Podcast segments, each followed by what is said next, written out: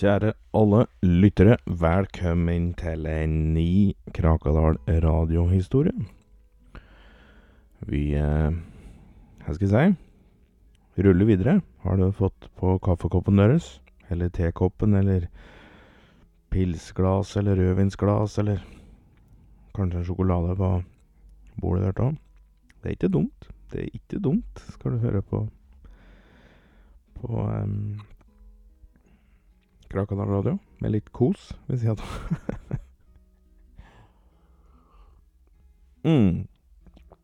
I dag så skal vi um, til noe som heter uh, Til noe som heter, faktisk. Altså Vi skal jo tilbake til Krakadalen, det regner jeg med alle veit. Men vi skal til Krakadal hotell. Uh, og det er ganske Dette er ganske Dette er ganske spennende. En spennende plass, vil jeg si, ja. Um, og i Krakadalen da Ifra 1948 til bortgangen, som vi fant ut var i 82, ikke 62, men i 82 av ting vi ikke veit, så i hvert fall i 1948 fram til 1982 så fantes det et hotell i Krakadalen. Eh, Hotellet det ble drevet av Alice Haug, som slik ifra starten av. Men i 1959 så ble eh, hotellet tatt over av hennes sønn Hauk Haug og hans fru Oddfrid. Um, og vi Jeg får bare hoppe rett i det. Det var jo en dag eh, i eh, Jeg må Piker det hos død, på en måte? Eh, jeg skal passe på så det ikke gjør det. Og da er det volumet her, sånn. Ok.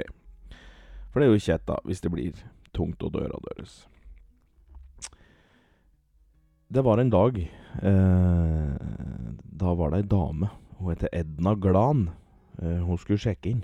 Eh, hun var jo ifra byen, da. Hun var ikke akkurat Men Hun var ikke den pertentlige typen, det var hun ikke. Men hun likte å ha orden i sakene sine, kanskje. Hun trengte i hvert fall å komme seg litt vekk fra ei utrivelig venninne, da. Som hele tida drev og mase om at eh, de skulle gifte seg. Men eh, Edna hun hadde ikke noe lyst til å gifte seg. Og, og fordi hennes foreldre var jo ikke akkurat noe begeistret for at hun var begeistret for et kvinnfolk, da. Heller.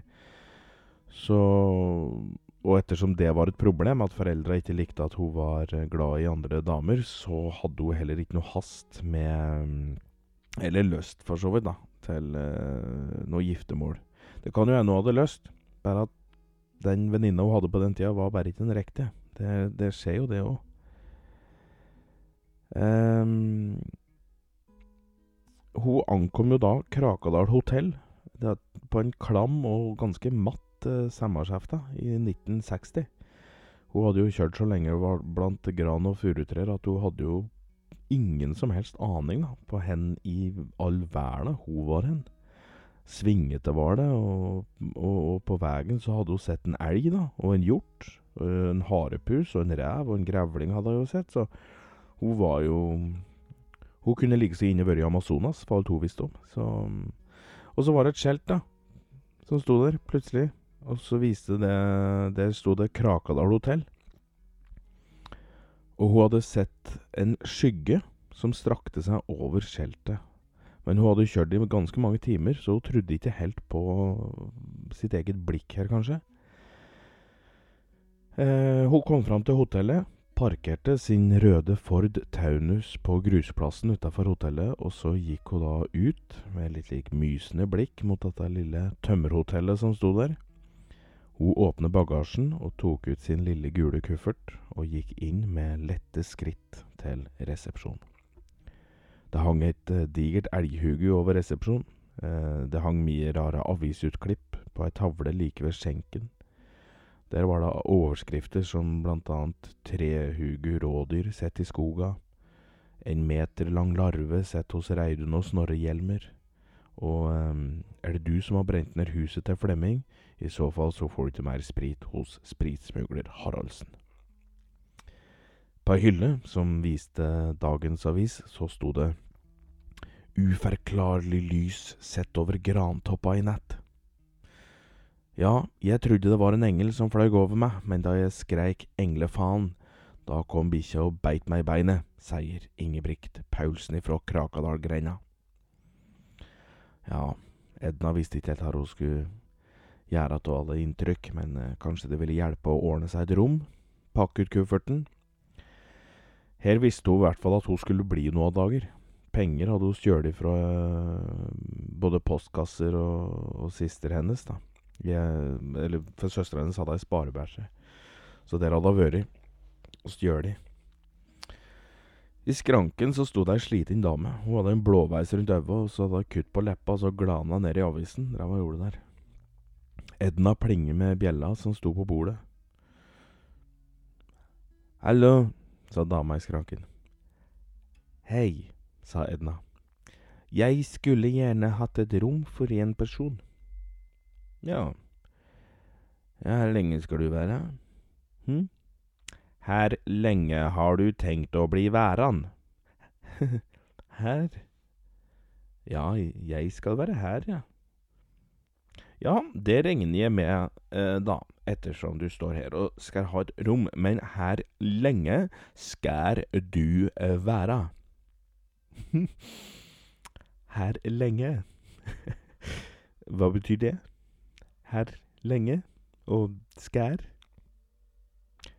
Det betyr eh, det det betyr. Skal du være her Skal du være her i ei natt, ei uke, en måned? Her lenge hadde du tenkt å bli? Å oh ja, hvor lenge? hvor lenge jeg har tenkt å bli? ja, kan vi ikke starte med en uke? Jo, sa dama i skranken. Hvilket navn skal jeg sette det på? Hm? Navnet. Har du et ordentlig navn, eller heter du Hm. Å oh, ja, unnskyld, jeg er ikke vant med eksotiske ord, så jeg beklager det. Jeg heter Edna Glan. Har du et navn også? Ja, skal du med det, hadde du tenkt? Er du nazist? Nå, nei, nei. Nei, nei, jeg bare, jeg bare, jeg bare lurer. Jeg skal jo være en stund, så det er jo hyggelig å bli kjent med de uh, man skal treffe om, om dagen, sa, sa Edna. Å ja. Jeg hadde en nazist der en dag som rømte fra Brasil, men jeg tok den med bakom hotellet og skjøt han beina og drenerte den for blod nede i kjelleren, så Så i morgen så blir tørkt, da blir tørke nazilunger til frokost. Uh, jeg heter Oddfrid, ja. Det er navnet mitt. Kjerringa og gubbjævelen som drepte mor si for å ta over dette stedet her, så Oddfrid snudde seg og åpnet en nøkkelskap og tok ut et par nøkler og kastet de på bordet. Det er nøklene dine. Du har rom nummer én. Bare gå opp trappa, og så er det det første rommet på høyre side. Og vil du ha noe, så får du komme ned og si ifra, men kokken han driver akkurat nå og leker i sandkassa si, så det blir ikke mat før han kommer inn igjen. Den den er grei, sa Edna, og så neiet hun høflig og tok med seg kufferten sin og, og gikk opp. Det var sprekker i trappa og opprettende trinn, så hun gikk med forsiktige, trinn, nei, med forsiktige skritt, i frykt for at hun skulle tråkke igjennom. Men hun kom seg nå da opp, da, uten problemer. Nøkkelen ville ikke akkurat vri noe ordentlig i, i låsen, så Edna hun ropte jo på Oddfrid, da, et, og, og, og, og på hjelp. Og Oddfrid hun fant da en skrutrekker og hov den opp, og ba hun bare vri med den. Og da den funket, da ba hun om å få igjen nøkkelen, så kunne Edna heller beholde skrutrekkeren. Og rommet, det var eh, fullt opp med, med utstoppet gjeddeskaller, eh, og innramma avisforsider der det sto overskrifter som Det var ingen stjerne, det var en ufo, sier lensmann Åge og jerv funnet under teppet. Ja. Det var støv på det lille bordet som sto midt i rommet, og taklampa blunket både én og hundre tusen ganger før, uh, før lyset stabiliserte seg. Det var tett luft i rommet, så Edna hun gikk til vinduet for å åpne det, og på utsida, nede på plenen, da, så sto det ei lita sandkasse. Og i den sandkassa, da satt en gubbe med ja, rett og slett fyldig mage og en kokkehatt på. Det så ut som han drev og laga noen sandkaker som han drev og åt, eh, åt med, på, med den lille plastikkspaden sin. Hun åpner vinduet da for å høre her det var han satt og sa, og hørte at eh, kokken sa følgende. En liten terte-berte til Stiggefitta. En liten terte-berte til Stiggefitta Oddfrid og hennes kukk-ræva-tryne Hauk. mm, smaker det godt vrengerævhælstiggen Hauk? Du skal daua av av smaken der, ja, den er god, veit jeg, den er god den kaka der. Så her, vorteterm her, Oddfrid. Jeg deier ikke, ser du, det er ikke noe farlig. Bare, bare du og pekkhælgubben din som deler styggefitta, Oddfrid. Som deier. Du deier nå, Oddfrid. Skal du høre en sang mens du deler, kanskje? Mens du deier? Skal du høre en sang mens du deier, kanskje? Hør på denne. Mækkafitta Oddfrid henger ei snor. Tung som en stein og døden sang i kor. Mækkapekken Hauk henger i en spik. Feit som en var, et megastygt lik. Edna hun stengte til vinduet sitt, men hun fortsatte å glana litt ut, da. Skoggrensa gikk like bak sandkassa, og brått så så hun en smal skikkelse som bevegde seg lynraskt forbi noen trær. Hun kunne ikke se hva det var uh, for noe rart, og det gikk så fort, så hun veit ikke om det hun om det hun, hun så i det hele tatt var noe. Men hun ble jo litt uggen i hjertet sitt, kjente hun. Var dette her plassen hun egentlig skulle oppholde seg på ei heil uke, altså?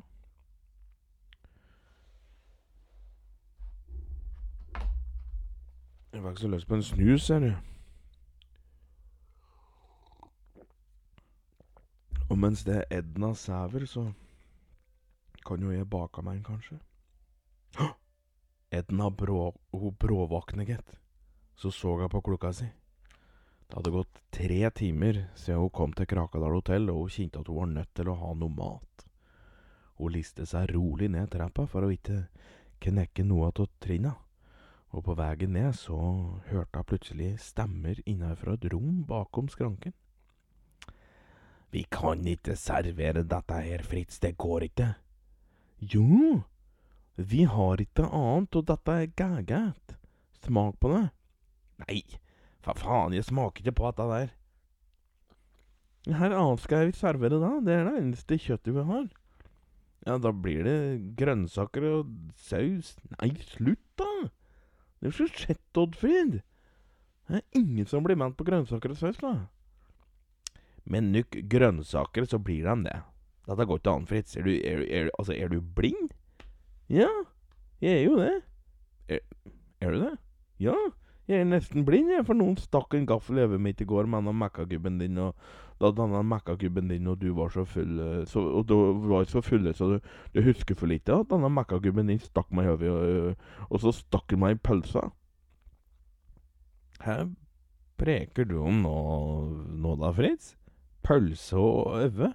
Ja, han stakk meg i øyet og i pølsa, for han syntes at jeg ikke trengte å se mer enn det jeg behøvde, og han ville ikke at jeg skulle ete meg pølse, så han stakk pølsa jeg hadde i nevene. Og, og, og, jeg hadde tenkt å ete den pølsa, jeg, Oddfrid. Oddfrid, gubben din er sjuk i hodet.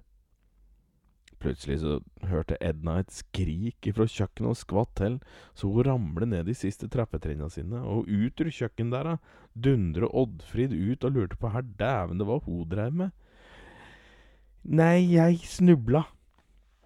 Og jeg var sulten og lurte på om jeg kunne få noe mat, men jeg tenkte meg å vandre litt rundt i nærområdet. Er det en kafé eller eh, restaurant i nærheten? Oddfrid så med et olmt blikk på Edna før hun svara. Jaså, er det ikke fint nok for deg å ete her, da? Jo, jo, jo, jo. Hva er det på menyen, da? Grønnsaker. Og mm, sås. Sås? Sås, ja. Saus. Å ja. Mm, mm, det hørtes godt ut, men eh, jeg, jeg, jeg tar meg en tur ut. Ser om det er mulig å kanskje få tak på noe kjøtt eller noe sånt, ja. Jeg vil ha kjøtt. Å ja. Har dere det, ja? Mm. Hva slags kjøtt da? Bjørnkjøtt? Bjørnkjøtt? Prøver du å si brønnkjøtt, eller hva, hva, hva er bjørnkjøtt? Oddfrid hun tok noe bak disken, eh, trampe med tunge skritt bort til Edna, og Edna hun stivner jo til. Oddfrid smalt opp med sine knoker rett fram av panna til Edna, og i fingra så kunne Edna se et bilde av en brunbjørn. Å ja! Bjørnekjøtt? mm, det har jeg aldri prøvd før, sa hun mens svetten begynte å renne nedover panna. Nei, det er ikke mange som har det der du kommer ifra. Det er full bare Det går full bare i retter og måker dere, så Her sier du. Blir du til middag? Edna hadde jo ikke lyst på noe av det der som var tilberedt inne på kjøkkenet, ut ifra den der samtalen hun hadde overhørt, men Oddfrid hadde jo skremt henne såpass da, at hun følte at hun var nødt til å takke ja. Den er grei. Da kan du bare gå og sette deg der inne, sa Oddfrid og pekte på ei døråpning. Edna gikk inn til et rom der det sto en utstoppet gaupe. Eh, Det sto òg en utstoppet ulveflokk der. Hun satte seg ned innerst i rommet, skvatt til og så en lang og smal skikkelse som satt på andre sida, innerst i hjørnet av rommet. Såg du pyramiden som sto utafor i natt? sa han, mens han så på med store, isblå øyne som lå bak et par runde briller. Munnen hans den var så smal, så det var nesten litt rart han klarte å formulere seg ordentlig. Hm. Nei, jeg kom bare for noen timer siden, svarte Edna. Nå får vi faen meg en telefonsamtale fra Haiti. Det går jo ikke an, vet du. Eh, nei, jeg kom bare for noen timer siden, ja, svarte Edna og begynte å fikle med bestikket sitt. Det var en pyramide som sto der ute i skoga, og jævelen sin røst masserte kronblader og kalte på dem som kommer ifra stjernene der oppe. Edna fikk frysninger og angret på at hun ikke hadde insistert på, på å, å ete en annen plass. Du må ikke ete kjøttet her, dama. Det kjøttet tilhører ikke deg. Edna hørte hø, Hun svarte ikke. Følte seg egentlig ganske ukomfortabel. Hør! ropte den rare mannen i hjørnet og skrudde opp en liten reiseradio som han hadde med seg. Merkelige ting er sett fra himmelen flere plasser i Krakadalen. Noen mener de ser tallerkener som står stille i et lite minutt før de flyger videre. Mens andre sier at de ser en regnskur av stjerner opptil flere ganger om natta. Det har vært observert ristinger i bakken både på Flisa, Kjellmyra, Elverum og Svulrya, men vi har ennå ikke fått noen rapporter fra Kent Winnie, som er i eh, i Russland, og heller ikke fra Elvor eh, Eivor, eh, unnskyld, Eivor Gunnerud, som roter seg bort på Det var vel i fjella borte i Aliskerova. Halvdan Bang sa i noenlunde bedugget tilstand at han har sett en tullebukk med øyne lignende en padde, og lensmann Åge er nå i full gang med å se folk i øynene. Kjenner du en tullebukk med paddeøyne, så ringer du nummer 6295 eh, 9491. Takk for meg. Edna visste ikke her hun verken skulle si eller gjøre til oss. Ikke et kjøttet, sa den rare mannen, og akkurat idet han sa det, da skvatt Edna til, så hun datt bakover stolen sin og ned på gulvet og reiste seg fort opp igjen. Var det ikke akkurat en skikkelse som hadde stått og glana inn i vindusruta bak den rare mannen?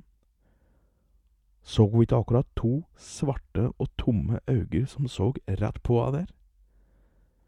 Den rare mannen reiste sin tynne skrått opp ifra stolen sin og gikk bort til Edna og så hun hardt inn i øynene. Vi må hjelpe de som aldri kom seg hjem att, sa han. Edna sto fastfrøset til gulvet og skjønte ingenting av noen ting. Gå i kjelleren og hjelp noen, du òg. Og plutselig smalt Oddfrid inn med en diger tallerken med noe mat på. Jaså, det er ferieflørting. Det er koselig det, men husk at Vegard tynne som erk, så her hører vi alt. Den rare mannen gikk eh, ut til spiserommet og bort til varten. Edna satte seg nervøst til bords og så ned på den digre tallerkenen med mat. Det var fire gigantiske pottiser som visstnok var importert ifra Braskreidfoss, tyttebærsyltetøy som Oddfrid sjæl hadde plukket, og det var brokkoli og gulrøtter som var ifra gården til Solgunn Aasen, og sausen, den var av hennes oldemor sin oppskrift. Da Edna spurte her kjøttet var for noe rart, om det virkelig var bjønne, bjørnkjøtt, da nølte Oddfrid, og så smatta til mens tunga glidde rundt leppen sin Liksom gikk rundt leppen hennes, da, som en tærkjefte kattunge, egentlig. Eh, før hun til slutt sa at det var villsvinkjøtt som var skutt av kokken sjæl. Dette var jo litt rart. Først bjørnkjøtt, og nå er det villsvinkjøtt. Og Edna kunne jo se kokken, som tidligere hadde drevet og lekt i sandkassa si, se nysgjerrig bort eh, på ifra dæra og bort på Edna. Det var noe som ikke føltes greit her. Skulle hun bli forgiftet på dette hotellet, eller her var det som foregikk? Den rare mannen, han hadde jo akkurat sagt at hun ikke skulle ete kjøttet, men hun kunne jo ikke Hun kunne jo ikke latt være å ete det om Oddfrid og kokken skulle se på at hun skulle ete. Tusen takk.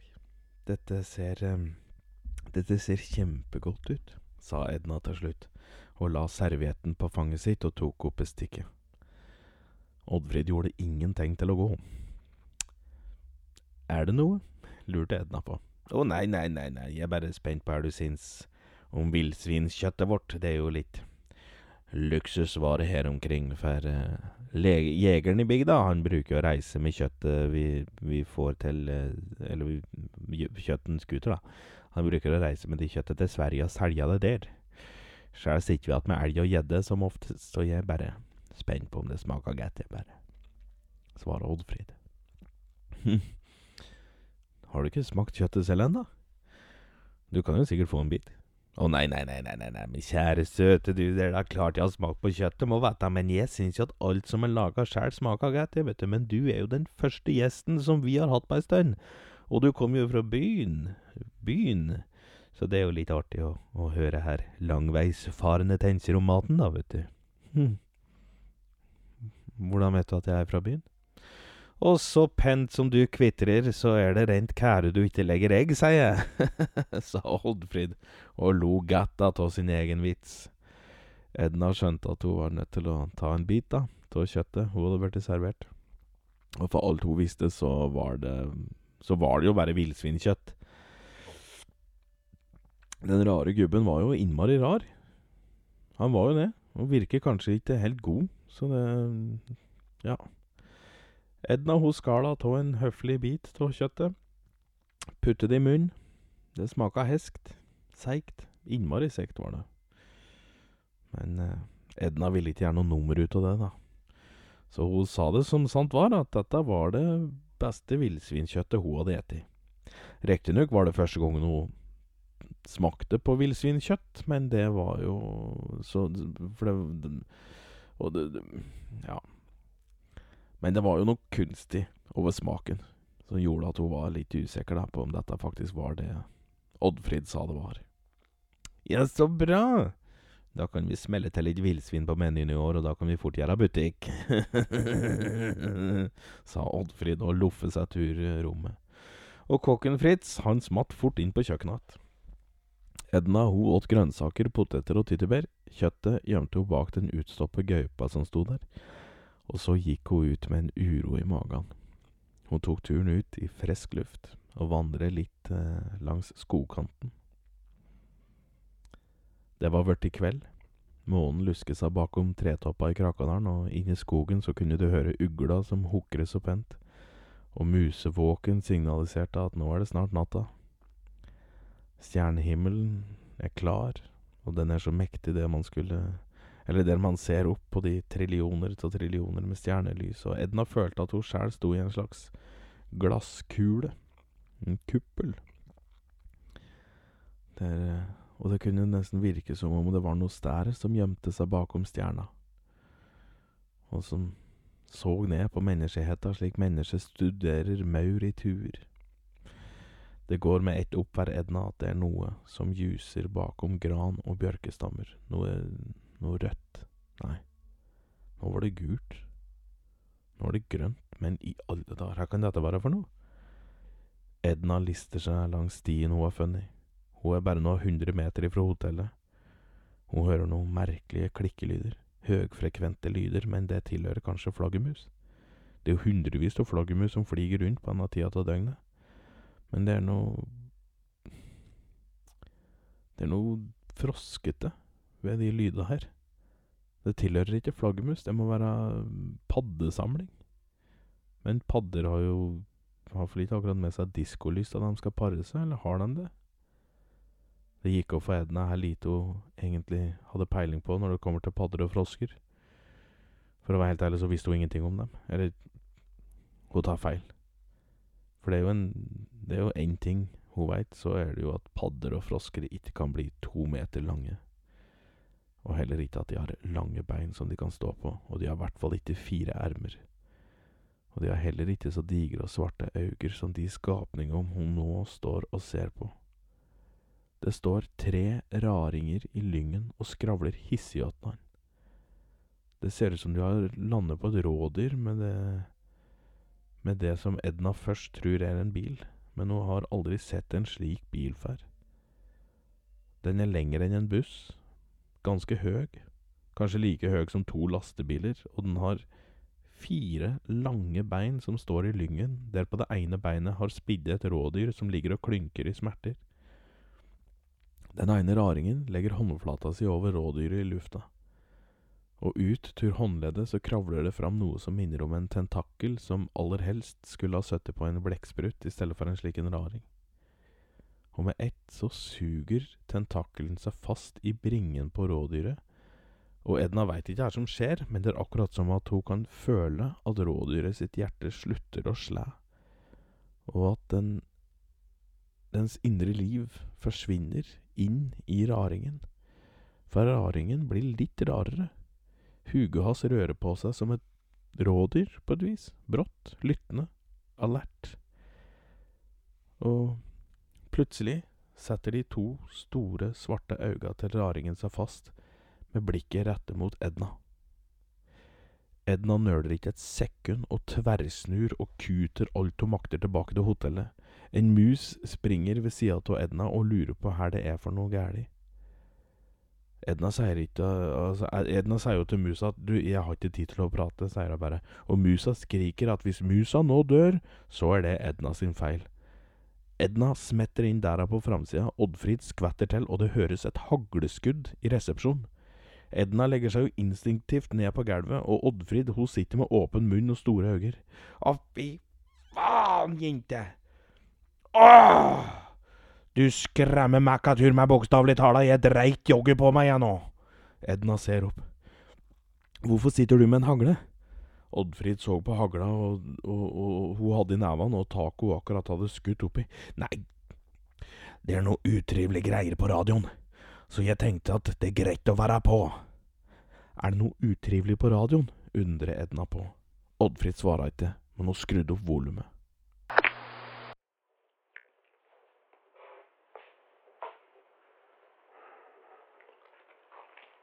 Olsen. Mm. Jeg er på. Nå? Ja. Ja, bare vent litt. Jeg må Jeg må begynne nå. Ja, ja, greit. Ja, bare vent. Mm, det- nå, Olsen. Ja, ja, ja. ja. Begynner nå. ja.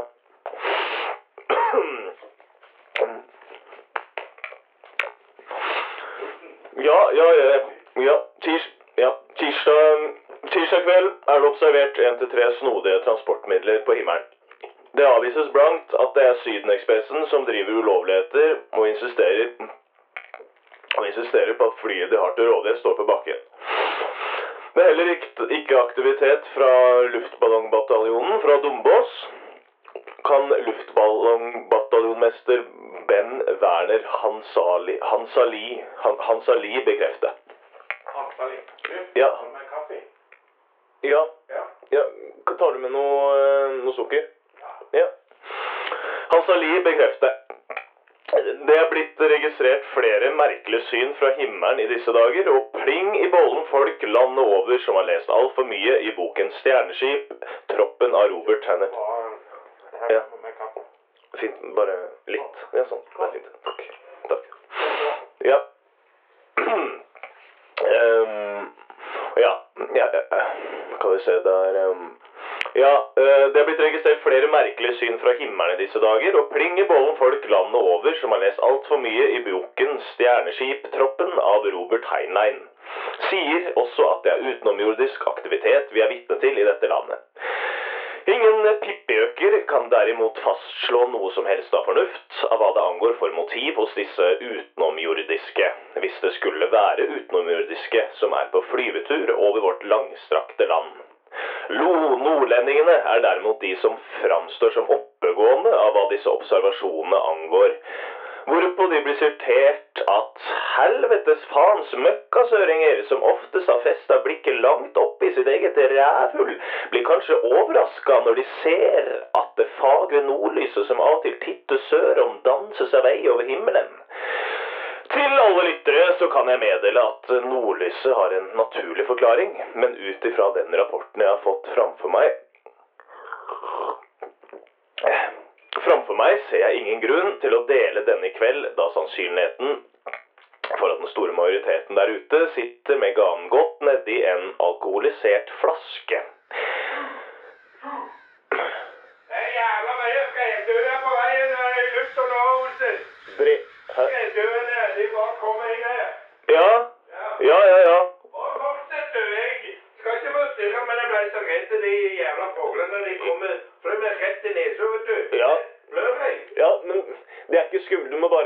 Fikk du tak i det? ja? Nei, jeg er redd for du. Ja, men prøv å få tak i Det er liksom fram og Nei, tilbake. nå sitter pikken fast i tenna. Nei. Jo. Nå suger han pikken. Går det bra? Ja, det går bra? Ja. Skal vi se um, Ja, eh, mens denne sendingen nå pågår, kan jeg meddele at flere brevduer har titta innom, og fra skogsfolket i Innlandet ser ut til å kunne bekrefte at det de ser, er verken menneske eller dyr. Det meldes om høye skikkelser i store flyveskip. Jeg ber majoriteten om å ha i mente at skogsfolket er kjent for å drikke diverse væskeinnhold som er selvlaga. Men videre står det altså at noen har sett et flyveskip stå stille i lufta, bare noen meter opp i lufta, og bredt lys ned på en kuflokk. Skal altså ha fløyet opp i været og inn i dette flyveskipet. Altså, det, det er ikke stort annet enn eneste stor røvel og tøys. Hvis skogsfolket lytter til dette, så setter jeg herved foten ned og ber dere snarest om å legge fra dere flaskene og legge dere til sengs. Barnetimen for de små har for lengst gått av lufta, så vær så snill, ikke send flere Å, fy fader, Olsen!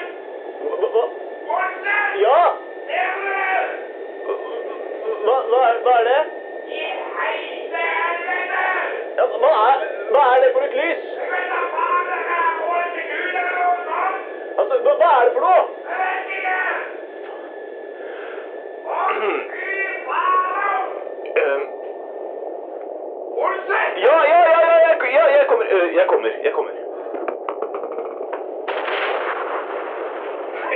Fader! Hva faen er det der for noe?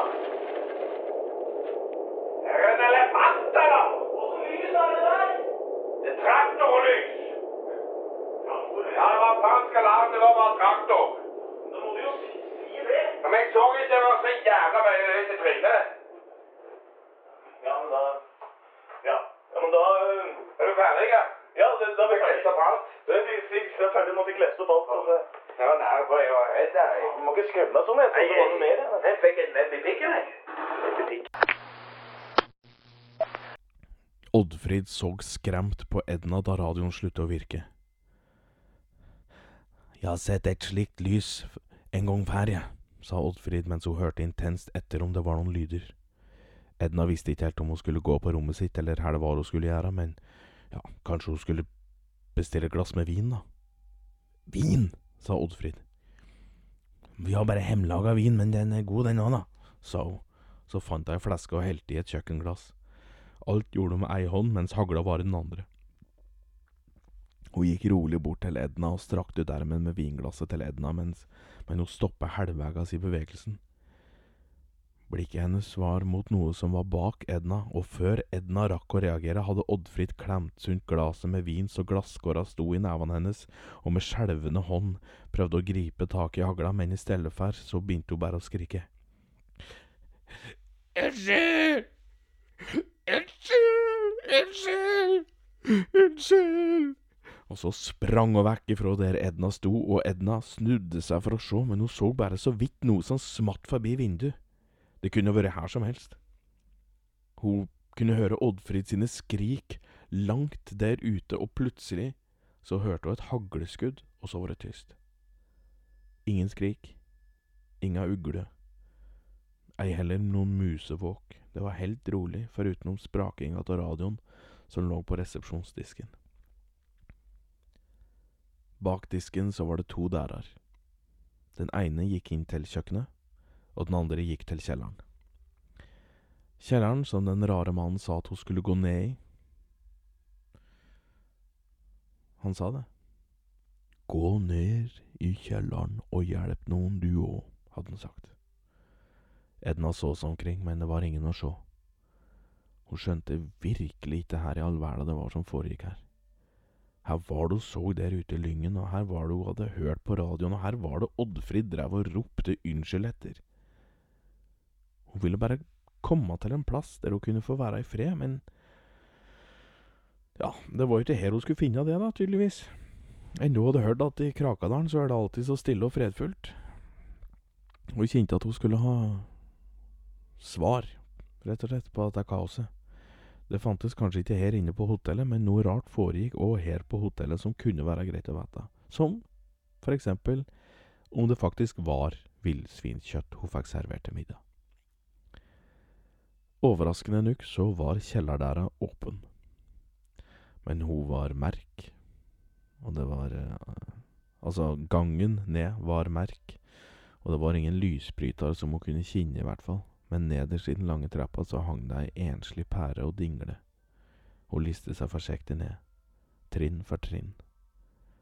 Hun visste ikke hvorfor hun var så forsiktig, men hun ville jo ikke bli tatt til å snoke heller. Da hun kom ned, så kunne hun høre noe mumling innerst til venstre, men det var veggen rett fram av trappa som strakte seg både til eh, venstre og høyre, som stjal oppmerksomheten hennes. Altså, det var så mye avisoverskrifter og avisutklipp som hang over veggene der. Hadde sin egen frue hengt opp med fisketråd og fiskekrok i sin egen låve. Råke på gnom i skoga, han hadde så mye gåter at det var rent slitsomt. Liten gutt leker med egne leker, danna heter Pekk og danna heter Pung. Fanden henter både far og mor, unga sitter att under her, her sin stein. Trolldom i skoga, det ljuser opp heile garden, sier Beatrice. Lyktemenn i stua, slik blir du kvitt dem. Dette var bare noen av overskriften. Det var så mye rart. Så mye merkelige overskrifter og svart-hvitt fotografier av rare skikkelser i bevegelser bak busker og kratt. Krakadalen, her her, her er dette her for et stelle, egentlig, tenkte Edna, der hun lot hånda gli over veggen mens hun fortsatte å lese. Gottfred var i Göteborg i fire år med munnspill som eneste selskap. Ørjan var hjertesjuk, mens Mari fisker fisk. Og brunstig mann vedkubbeknulle ei trøll i skogen. Igjen hørte Edna det mumle i enda av gangen. Hun liste seg forsiktig bort. der hun sto på gløtt så hun kunne titte inn. Med en gang så kunne hun ikke helt skjønne her i alle dager det var hun så på. Så mye rare apparater. Og i midten så sto det en slags sjukehusseng, og det lå noen der. Men hun kunne ikke se åkken det var, for det er kokken Lauritz. Han satt i den gjennomsvette kokkejakka si og fiklet med noe rart mens han mumlet. Jeg sa det, Oddfrid. Jeg sa det, jeg, sa jeg. Jeg sa det, Oddfrid, sa jeg. Puken har satt seg fast i bjørnsaksa. Nei da, nei da, sa Oddfrid. Det tror jeg ikke på, for puken han setter seg aldri fast, og hadde han satt seg fast, hadde det vært dau som hadde som hadde fått den dit. Og jatta katta, vet du. Men Oddfrid er gammal. Oddfrid er gammal og veit ikke hva hun driver med lenger. Men jeg er jo en slags professor uten tittel, min venn. Jeg vet da faen, jeg. Dette har jeg aldri gjort før. Si ifra om det er vondt, du, så går det nok bra. Det gikk jo bra sist, eller syns du? Edna hørte ikke at det kom noe svar, men hun stusset brått over noe som stakk ut på sida av Fritz. Det så ut som det var noe avstumpe. En avstumpe erm, kanskje? Men i alle dager. Kunne det vært slik at hun hadde eti på et menneske? Fritz ruller bort til utstyrsbordet sitt, og med ett så mister Edna balansen, og hun begynte å skjelve. Hun visste ikke her hun skulle gjøre, for, for nå, men i senga så lå det en nesten to meter lang skikkelse med noen tråder på det digre huget sitt. Det lå og sov. Den ene ermen var fortsatt intakt. Det var en diger neve med lange, lange fingre. Men den andre ermen, den var skøret over fra skuldra. Det var altså en slik en raring. Det var altså en slik en raring den rare mannen hadde lyst til at hun skulle hjelpe. Når hun nå sto og så på den fredfulle raringen, så fikk hun litt vondt av nå. Fritz han satt og nynne på Blåveispiken av Kurt Foss og Reidar Bø, og den spilte så i bakgrunnen på en gammel grammofonspiller eh, som sto på arbeidsbenken. Edna kjente hun begynte å bli litt rar i bringen, og når hun så Fritz dra opp ei diger håndsag, så var det akkurat som om noe låste seg fast i tinningen på.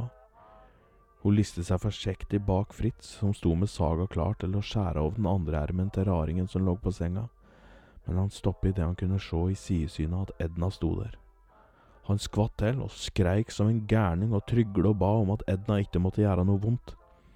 Edna skjønte ikke, men hun rakte ut ermen sin. Men hun skvatt til sjæl da hun så at høyreermen hennes var en tentakkel. De fire ytterste sugekoppa på tentakkelen tok tak over øva til Fritz og sugde ut øveepla til Fritz, som skreik som en guttunge, mens den andre ermen, som òg var en tentakkel, la seg på brøstet hans og sugde ut hjertet til Krakadal Hotell sin kokk. Og med ett så var det ikke mer skriking å høre i kjelleren det lenger. Fritz datt som en potetsekk på gulvet med tomme, svarte hæl der øynene en gang var, og åpen munn. Edna gikk bort til raringen som lå på senga og kjente att den. Det var Leonard som lå der. Edna forsto ikke med en gang her det var som skjedde med henne, for alle hennes minner blafret i pannebrasken hennes bit for bit, og, la, så, og de la seg da på plass. Edna Glan, hun var ikke født eller vokst opp i verken by eller bygd her på jorda. Hun kom ifra en planet som heter Sempitis, og den lå en del lysår unna både Krakadalen og jorda. Hennes mann Leonard hadde forsvunnet etter at det lille romskipet hans hadde krasjlandet inn på Finnskogen for en god stund siden, og da for han fikk se et, en dumpa på han for første gang, og i all sin glede, vet du, så glemte han å se i lufta, og så krasjet han i et tre. Simpitis-felket, som ikke akkurat så ut som vanlige felk, hadde etter lang tid med speiding ned på jorda klart å lage en slags mikstur av flaggermusvinger, ormelort og snus, og den kunne de sprøyte inn i skretten, og så ville de for et øyeblikk glemme av åkken de var, og hen de egentlig kom ifra. Og, og, og så ville de ta formen til mennesker, og samtidig få å bygge opp falske minner. Edna sitt oppdrag hadde hele veien vært å finne igjen sin mann Leonard. Men da hadde soset rundt med kjærleiken med en annen gubbe i byen her på jorda, så hadde flere raringer ifra Simpitis tatt turen til Finnskogen i disse tider i håp om at de skulle finne Leonard før noen av raringa på jorda skulle finne han. Og gudskjelov, da, for han sier, så havnet i nevene til Oddfrid og Fritz, som hadde råket på Leonard, som lå ute i møltelyngen, da han drev og plukket multebær en høstdag. Og de trodde han var en slags hybrid da, av menneske og snok, for det hadde vært mye eksperimentering i 40-åra. Edna hun gikk rolig bort til sin sovende gubbe, strøk han forsiktig over den grønne og blanke skalla, så ned på skulderen der det egentlig skulle sitte en erm. Hun ble kvalm da hun skjønte her det hva for slags eh, kjøtt hun hadde fått i seg der oppe i kantina. Hun la ermen sin på skulderen og utstrålte en slik varme at det gnistret lilla og rødt på skuldra til Leonard, og ut vokste det plutselig en ny erm. Leonard våkna opp, men han var utmatte, utmagre, men han klarte å gi fra seg et lite glis og sa oink, runke, ranke, kanke, kanke, banke, bank. Og det betydde wow, du er penere med uten hår enn med hår. Så ta til dette der, du min fine fjellstein, betydde det. Og noe merkelig skjedde i kjellerrommet, og merkelige farger begynte å ljuse opp i rommet, og plutselig så sto Edna der i all sin rare skjønnhet, og ikke et menneske var å spore i hennes ansikt eller kropp. Edna tok sin mann Leonard og fant en radio, der hun med romvesentriks fikk radioen til å sende signaler til de som hadde krasjlandet på et rådyr tidligere på kvelden, og på noen få minutter ankom det et, ankom det et romskip som hang over Krakadal hotell, og bygdefolket ifra tun og grend de slentra ut med gevær og ljå i nevene og så at eh, to skapninger flaug opp i været og inn i et romskip, før det forsvant opp i himmelen. Og eh, ja, det, vart ikke, det var ikke stort mer enn ei stjerne. å regne med der de sto sjokkerte eh, og glana opp med ja, med, med sjokk i blikket, rett og slett. Eh, alle trodde de hadde blitt gærne der de sto, men ettersom alle hadde sett romskipet, så lot det til at folk tenkte at nei, men dette er greit å preke om. Så Oddfrid hun kan jo fortsatt se traske tungt i skogen med hagla si. Ganske ville øyne. Eh, og Krakadal hotell, det står eh, ensomt og forlatt. Men det sies jo at gubben til Loddfrid, han eh, Hauk Haug, at han fortsatt driver og eksperimenterer i kjelleren, da, blant gamle avisutskrifter og merkelige kjøttretter. Og raringen som satt i kantina Jo da, han jobber som journalist enda, vet du. Det var en lita sci-fi-historie, rett og slett. Um, det er jo snart 31. oktober, allhelgens død uh, Eller allhelgensaften, eller hva faen det heter. Så dette er en liten uh, dette, Den får gå i den kategorien der, da. Litt sånn sci-fi-thriller ifra skoga. Um, jeg minner om at nå til helga 15. til 17. oktober så er det òg tilbud i Krakadal Handel hvis noen vil ville handle tidlig julegaver, eller her det måtte være. Det er jo populært det nå, å drive og blande døden med jula, slik hvis du går i butikka og ser.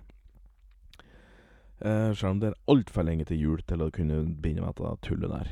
Eh, men jeg sier takk for nå. Og så skal jeg prøve meg på en like lita um, Jeg vet da faen hva du skal kalle det. Men vi må jo ha en sang. Og, og herregud, vi må jo selvfølgelig takke Kristoffer Grå Pedersen. Han var jo radioverten min i dag. Han er jo òg en, en slektning av tremenningen, faktisk. Vi visste ikke vi var tremenninger før vi begynte på folkehøgskole sammen i 2000, var det 2008. Så det Nei, han, tusen hjertelig takk til han. Faen, det er en jævla fin kar, skjønner du. Som jeg anbefaler alle å Han eh, står på scenen og har konserter, så han anbefales absolutt å ta turen til. Apropos jul, jeg veit han skal synge noe jula inn. Eh, Er det på Hadeland, da? Altså, skal være bare Han har Han har Han i hvert fall en nettside, du kan sjekke den ut. Um, ja, nei, men jeg bare sier uh, tusen takk for nå, så høres vi om litt, um, uh, egentlig. OK. Um, ha det. Og her kommer det noen merkelige toner. Hei, hei.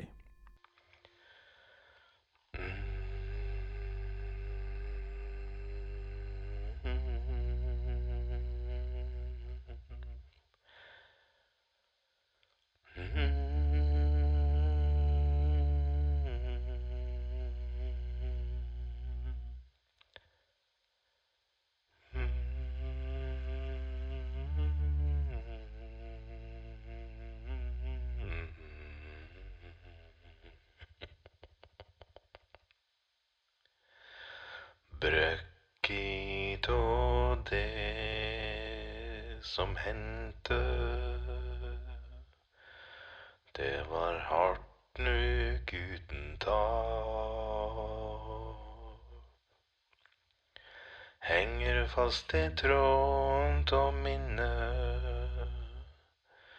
Det var hardt nok uten pris.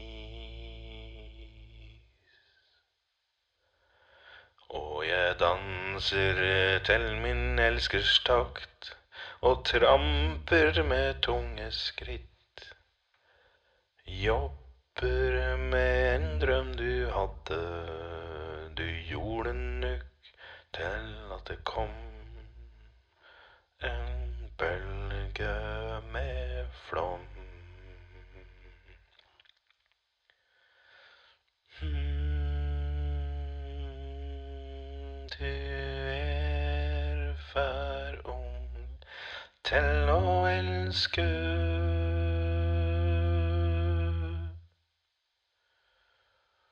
Lov meg ikke visk deg ut så snart. Jeg veit ikke her du må gjøre nå. Nei, jeg veit ikke her du må gjøre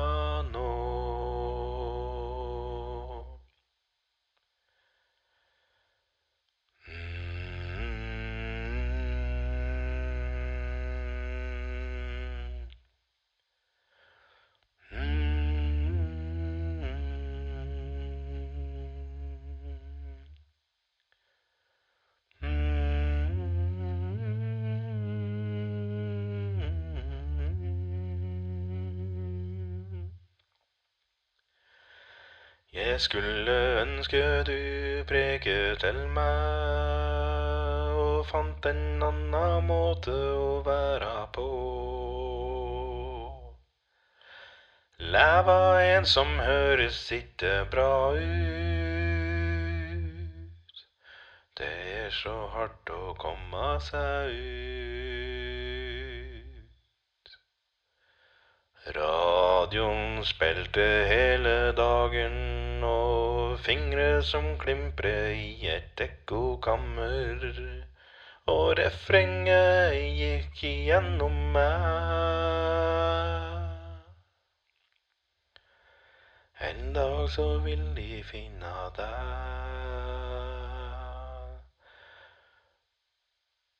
Og jeg lover å ikke glemme deg òg. Og sjæl om du er for ung til å elske, så håper jeg du ikke visker deg ut.